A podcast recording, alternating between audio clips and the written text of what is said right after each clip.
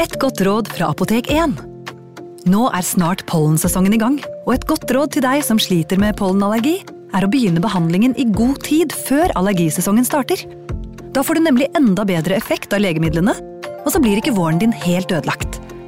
Kom innom og få råd på ditt nærmeste Apotek 1, eller chat med oss på apotek1.no. Apotek 1 vår kunnskap, din trygghet.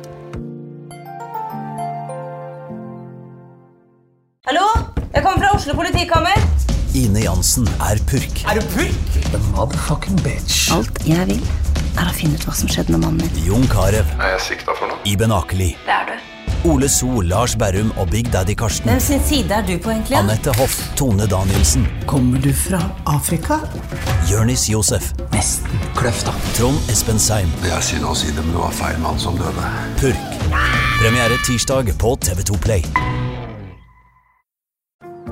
Ungsamtalen fra DNB er økonomisk veiledning tilpasset deg som er ung. Bokk en ungsamtale på dnb.no. slash ung. Det er kjempebra hvis du skal inn på boligmarkedet, hvis det er drømmen din, liksom. Det er det du skulle sagt. Og så kunne du ropt litt mer, da, sånn som jeg gjorde. Bam! Advarsel. Denne podkasten inneholder skildringer av ekte drap og kriminalsaker som kan være støtende for enkelte. Det advares også mot sterke inntrykk i deler av episoden. To unge kvinner forsvinner med et drøyt års mellomrom i Trondheim. Begge jentene var på vei hjem fra fest ved Studentersamfunnet og blir funnet voldtatt og drept noen dager etter de forsvant. En mann blir siktet for begge drapene, i saken som senere skulle bli Europas første doble justismord.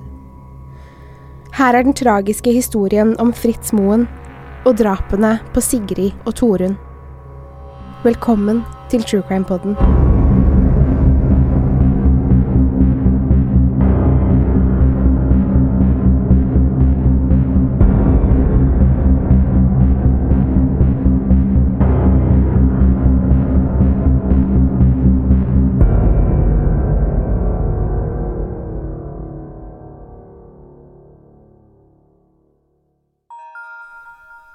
«17. desember 1941. Betzy Moen føder en gutt på Østfold mødre- og barselhjem i Sarpsborg. Han får navnet Fritz Yngvar Moen. Betzy er alene på sykehuset, og guttens far, en tysk korporal, også ved navn Fritz, er stasjonert ved østfronten i Tyskland. Betzy er ugift og kjenner ingen stor lykke når hun holder gutten sin for første gang. Å være ugift kvinne som har fått barn med en tysker, er ikke populært, og hun vet at det kan by på problemer. Betzy blir værende på sykehuset noen dager og prøver å knytte seg til babyen. Legene forstår snart at det er noe annerledes med babyen hennes. Han reagerer ikke på lyder.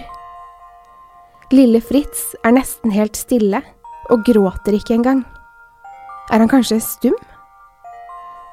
Det viser seg at Fritz er nesten helt døv, og at han aldri kommer til å kunne snakke eller høre normalt.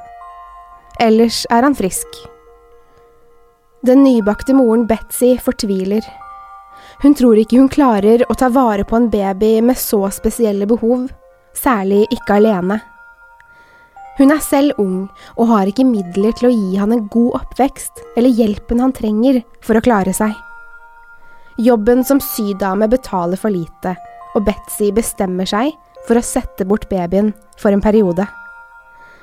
Lille Fritz blir, trolig bare noen uker gammel, overgitt til et spedbarnshjem. Betzy kan derfor fortsette livet hun levde før hun ble gravid. Hun henter aldri Fritz hjem igjen, men omgås med han innimellom. Fra og med spedbarnsalder bor Fritz på forskjellige institusjoner for barn med diverse problemer. Fritz sitt handikap ble nemlig sett på som et problem på 50- og 60-tallet. Barna fikk for så vidt omsorg i form av mat, seng og rene klær, men de fikk ingen kjærlighet. Dette preget Fritz Moen hele livet. Å bli satt bort av sin egen mor er traumatiserende, og gjorde Fritz innesluttet, sint og utilpass. Han ble ertet av barna på skolen fordi han ikke kunne snakke eller høre, og Fritz havnet ikke sjelden i slåsskamper. Selv om Fritz har en normal intelligens, gjør han det dårlig på skolen. Grunnen er utfordringen i å få med seg hva som blir sagt i klasserommet, siden han er døv. I tillegg hans manglende evne til å kommunisere med de andre i klassen. Fritz er ofte fortvilet, frustrert og hissig. Han viser seg å være utålmodig i timene, og får ikke med seg det som blir lært bort. Derfor har han problemer med å skaffe seg eksempel ekstrajobb eller sommerjobb. Han begynner å stjele fra de andre barna og ungdommene på institusjonene der han bor. En dag tar livet til Fritz en brå vending. Som 16-åring, etter å ha vært på en privat fest, går det galt. Fritz, som har drukket en del øl, tyvlåner en moped og bestemmer seg for å kjøre den noen runder. Fritz får altfor stor fart og mister kontrollen på mopeden. Han krasjer rett inn i et stort tre.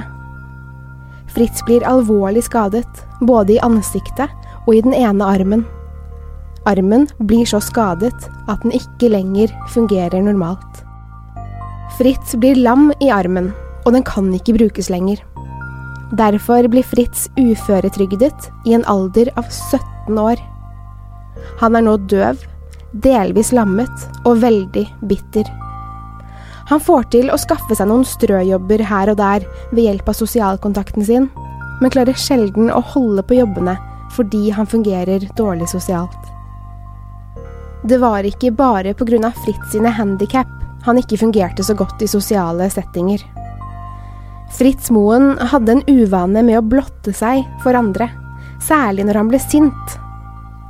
Bitterheten over å være annerledes og ikke kunne høre eller snakke, og den lamme armen, hindret dessverre Fritz i å finne seg en kjæreste. Fritz hadde en drøm om å gifte seg og få barn, men istedenfor å snakke med jenter, befølte han dem, eller blottet seg for dem. Han gjorde aldri noe mer enn det, men han ble sett på som ubehagelig å være sammen med i ungdomsårene. Heldigvis sluttet Fritz med både blottingen og befølingen da han forsto at ingen likte det. Lørdag 5. september 1976, Trondheim. 20 år gamle Sigrid Heggheim er på vei hjem fra fest på Studentersamfunnet i Trondheim. Hun er student ved NTH og har hele livet foran seg. Flere ungdommer går hjemover denne natten, men Sigrid tar en annen vei enn de andre. Klokken er ca. to på natten. Det er mørkt og ganske kjølig ute. Kanskje hører Sigrid noen bak seg.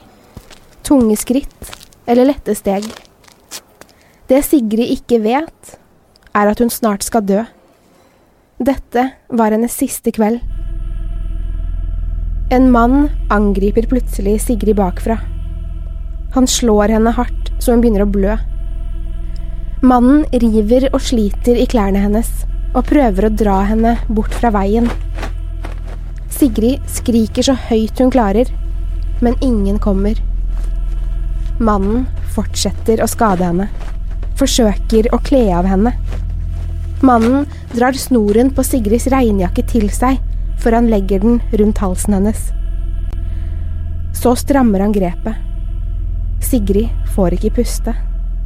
Så blir alt svart. Neste morgen er 20 år gamle Sigrid borte.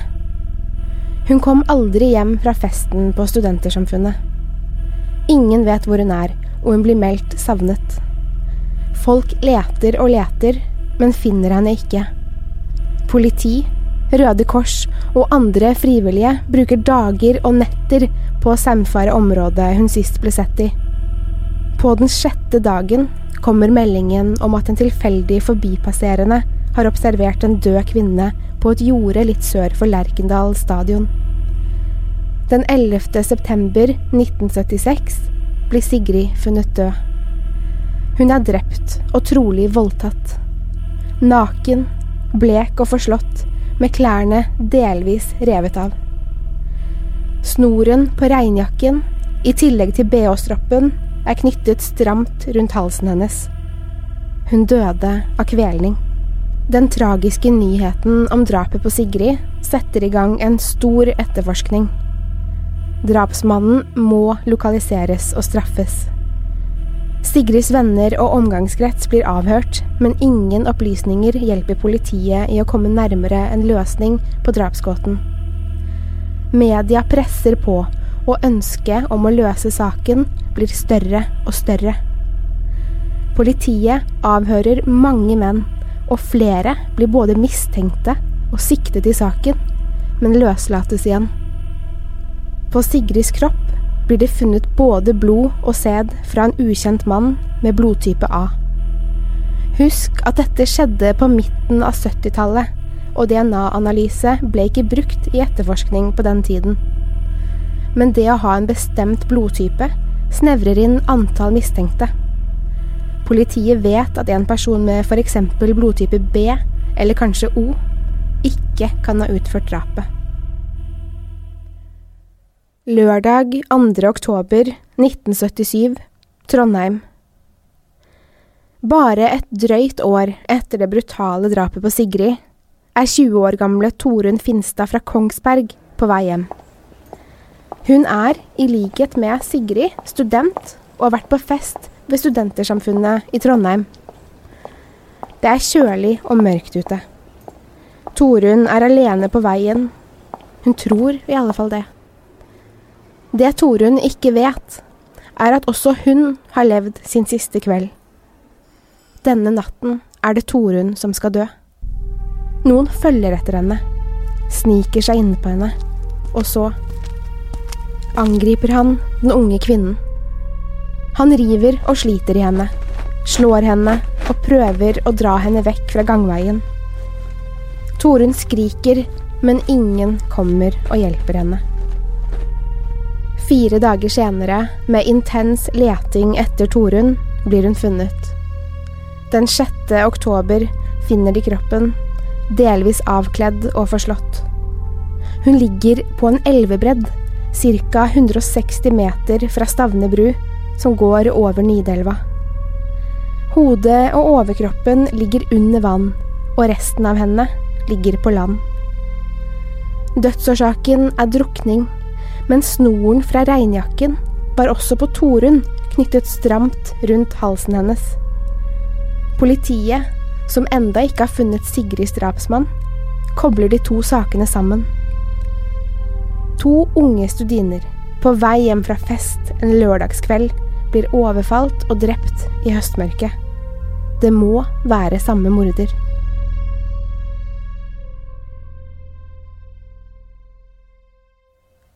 Fredag 7. oktober 1977 Trondheim. Dagen etter funnet av Torunn blir unge Fritz Moen tatt inn til avhør. Egentlig blir han arrestert for blotting, og erkjenner at han har blottet seg, men politiet begynner å se på Fritz i forbindelse med Torunn-saken. Han bor på dette tidspunktet i gangavstand fra der Torunn ble funnet, i noe som het Vernelagets hybelhus. Fritz, som er døv, forstår ikke helt hva politiet spør han om. Han rister på hodet og prøver å forklare at han ikke forstår. De viser ham bilder av Torunn, og Fritz blir redd. Han nekter for å ha gjort noe mot Torunn, og forstår ikke hva politiet vil ham. Det er vanskelig for Fritz å forstå hva etterforskerne mener. Han blir sint og frustrert fordi de ikke vil høre på han. Etterforskerne skriker og kjefter på døve Fritz. Han blir redd og forstår at dette er alvor. Fritz får til slutt en tolk, og igjen forsøker han å formidle at han ikke har drept Torunn. Fritz er sliten, lei seg og redd. Han nikker og gestikulerer både til tolken og til politiet for å kanskje bli fortere ferdig med avhørene. Men det blir han ikke. Avhørene fortsetter i flere dager, riktignok med mat og sovepauser, men Fritz grilles i timevis hver dag. Den 9. oktober 1977 tilstår Fritz Yngvar Moen drapet på Torunn Finstad. Eller som det står i avhørsprotokollene, nikker han bekreftende på spørsmål om det var han som drepte henne. Den døve mannen nikket altså bekreftende på spørsmål han ikke kunne høre. Tolken mener også at Fritz tilstår i disse avhørene. Etterforskerne forsøker deretter å få Fritz til å forklare hendelsesforløpet, altså hvordan han drepte Torunn.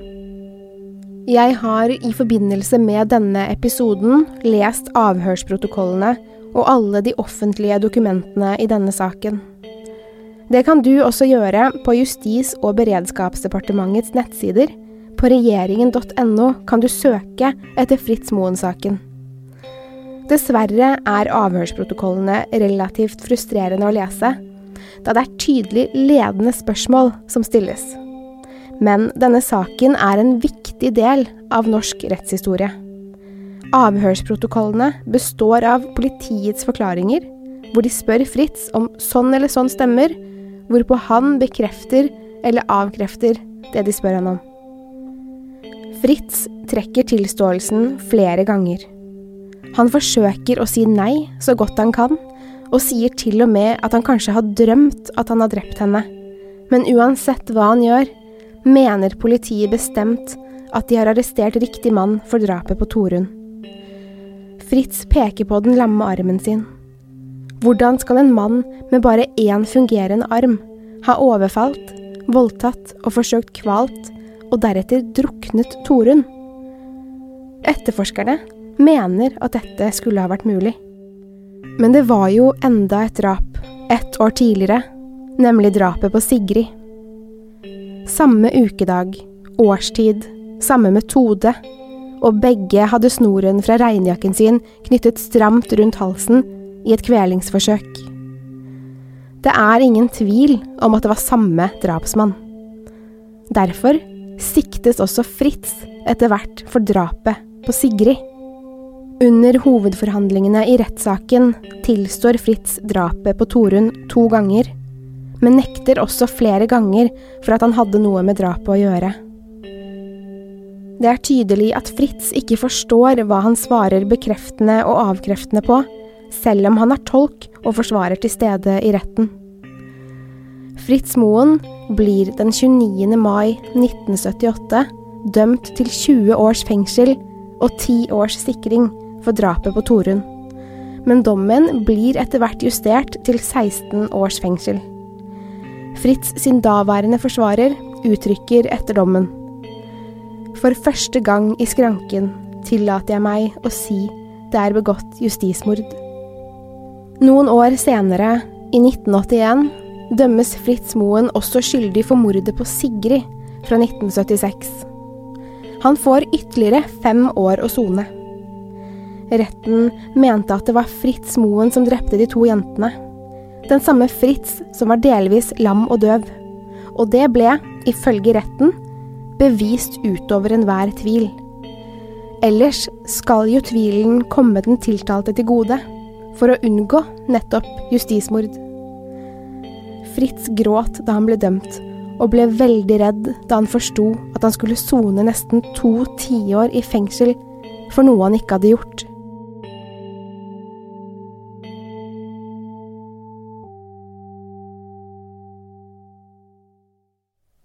I 1998 begynte journalist og privatetterforsker Tore Sandberg å engasjere seg i Fritz Moen-saken. Han mente bestemt at Fritz var uskyldig, og jobbet i flere år med saken. Etter hvert ble forsvarsadvokat Jon Christian Elden også med på laget. Den 2. januar 2000 begjærte Elden saken gjenopptatt. Politiet gikk gjennom hele saken på nytt, og kom frem til konklusjonen at det ikke fantes grunnlag for gjenopptakelse av Fritz sine dommer. Den 12. februar 2002 ble gjenopptakelsesbegjæringen avvist. Advokat Elden anket beslutningen, og et kjæremålsutvalg skulle ta stilling til om det i det hele tatt fantes grunnlag for at saken skulle gjenopptas. Det ble i 2004 bestemt at Sigrid-saken kunne gjenopptas, men at Torunn-saken ikke skulle behandles på nytt, altså den saken Fritz fikk lengst dom for. Den 7. oktober 2004 ble Fritz Moen frikjent for drapet på Sigrid. Han gråt av glede. 27 år etter at han først ble arrestert. Etter å ha sonet 18 år i fengsel for noe han ikke hadde gjort. Men Elden og Sandberg ga seg ikke der. De ville få Fritz Moen frikjent, og sendte noen dager senere en begjæring om å gjenoppta Torunn-saken likevel. I mellomtiden bodde Fritz i en kommunal leilighet på Nordstrand i Oslo. Den 28. mars 2005 sitter en mann i favorittstolen sin foran TV-en i leiligheten på Nordstrand. TV-en er stilt inn på tekst-TV med tipperesultatene. Rommet er stille og fredelig. Der satt han, en ensom drapsmann, død. Fritz Moen døde i den stolen mens han satt og så på TV. Fritz Moen døde som drapsdømt. Han rakk aldri å bli fri fra drapsanklagene, eller å få en unnskyldning fra den norske stat, som dømte han for to drap. Han var en dømt morder helt i det siste. I begravelsen lovte både Jon Christian Elden og Tore Sandberg at de ikke skulle gi seg. De skulle få Fritz frikjent. 18. desember 2005, Namsos. En 67 år gammel mann med navn Thor Hepsø ligger for døden. Thor vet at tiden snart er over for han, og bestemmer seg for å gjøre noe han burde ha gjort for nesten 30 år siden. Han ber to sykepleiere kontakte prest og politi. Han har noe å fortelle. Noe viktig. Foran sykepleierne forteller han hva det dreier seg om. Thor Hepsø tilstår drap, både på Sigrid og på Torunn. Han angrer og vil gjøre opp for seg. Thor Hepsøs tilståelse er enormt viktig i kampen for å frikjenne Fritz. Politiet stiller Thor flere spørsmål om hvordan han drepte jentene, og klarer å fastslå at han var i Trondheim på tiden begge drapene skjedde. Men hvem var denne mannen som plutselig tilsto to drap på dødsleiet? Han jobbet to ukers turnus i Nordsjøen og slet store deler av sitt voksne liv med psykiske problemer. Han var innlagt for de psykiske problemene sine både i Spania og i Norge. Han var en periode anmeldt for vold og drapsforsøk mot kjæresten sin, men saken ble henlagt. Kolleger av Thor fortalte til Kripos-etterforskerne at Thors oppførsel endret seg drastisk mellom høsten 1976 og 1977. Thor ble mer innesluttet og virket nesten deprimert. Under samtalene med politiet beskrev Thor detaljer som bare gjerningspersonen kunne vite. Thor hadde også samme blodtype som sekretene funnet på kroppene til Torunn og Sigrid. Det stemmer at Thor Hepsø drepte jentene. Det betyr også at Fritz Moen har vært uskyldig hele tiden. I de 18 årene han satt i fengsel, hvor han, til tross for sine handikap, ikke fikk noen tilrettelegging, og de gangene han fikk avslag på søknader om gjenopptakelse, var han uskyldig. Fritz drepte aldri noen. To dager etter tilståelsen dør Thor Hepsø på sykehuset, den 20. desember 2005.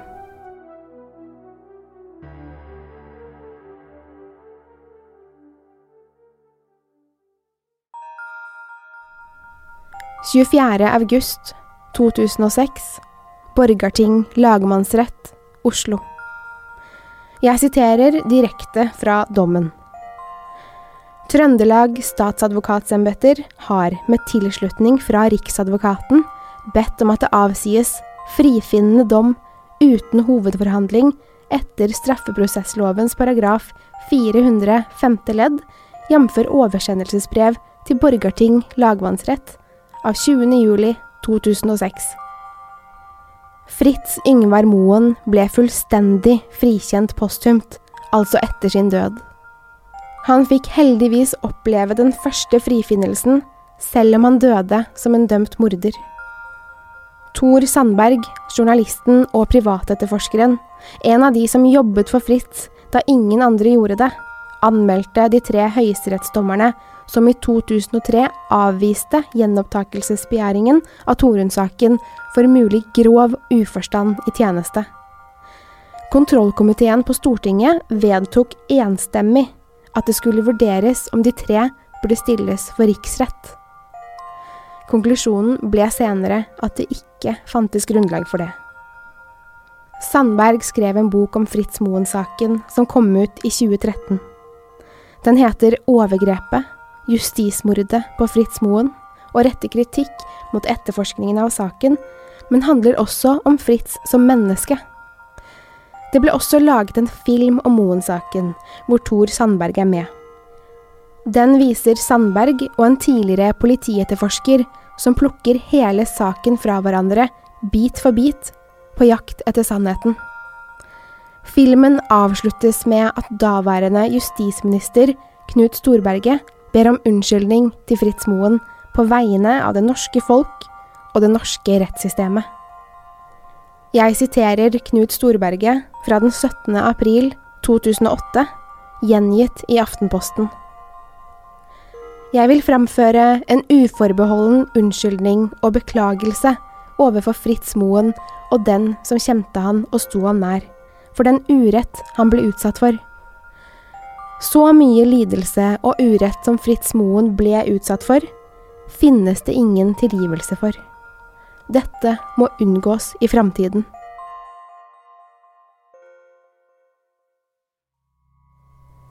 Med disse ordene avslutter vi denne episoden. Men først vil jeg nevne at det ikke bare var Fritz Moen som ble offer i denne saken. To unge kvinner, med hele livet foran seg, ble brutalt drept. Det er viktig å huske på at Sigrid og Torunn faktisk mistet livet, og at familiene deres mistet det kjæreste de hadde. Jeg vil benytte anledningen til å kondolere til jentenes familier, men også til Fritz sin familie, og håper at de alle fikk en slags avslutning etter Thor Hepsøs tilståelse. Vi legger som vanlig ut bilder på vår Instagram-konto som heter True Crime Norge, og på vår Facebook-konto som heter True Crime Podden. Har du innspill, spørsmål eller tips, mail oss gjerne på post at truecrimenorge.no. Vi høres igjen om en uke.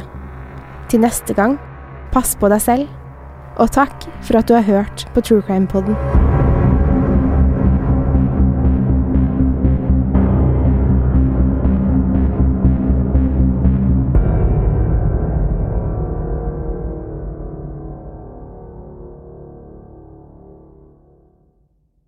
Har du et enkeltpersonforetak eller en liten bedrift?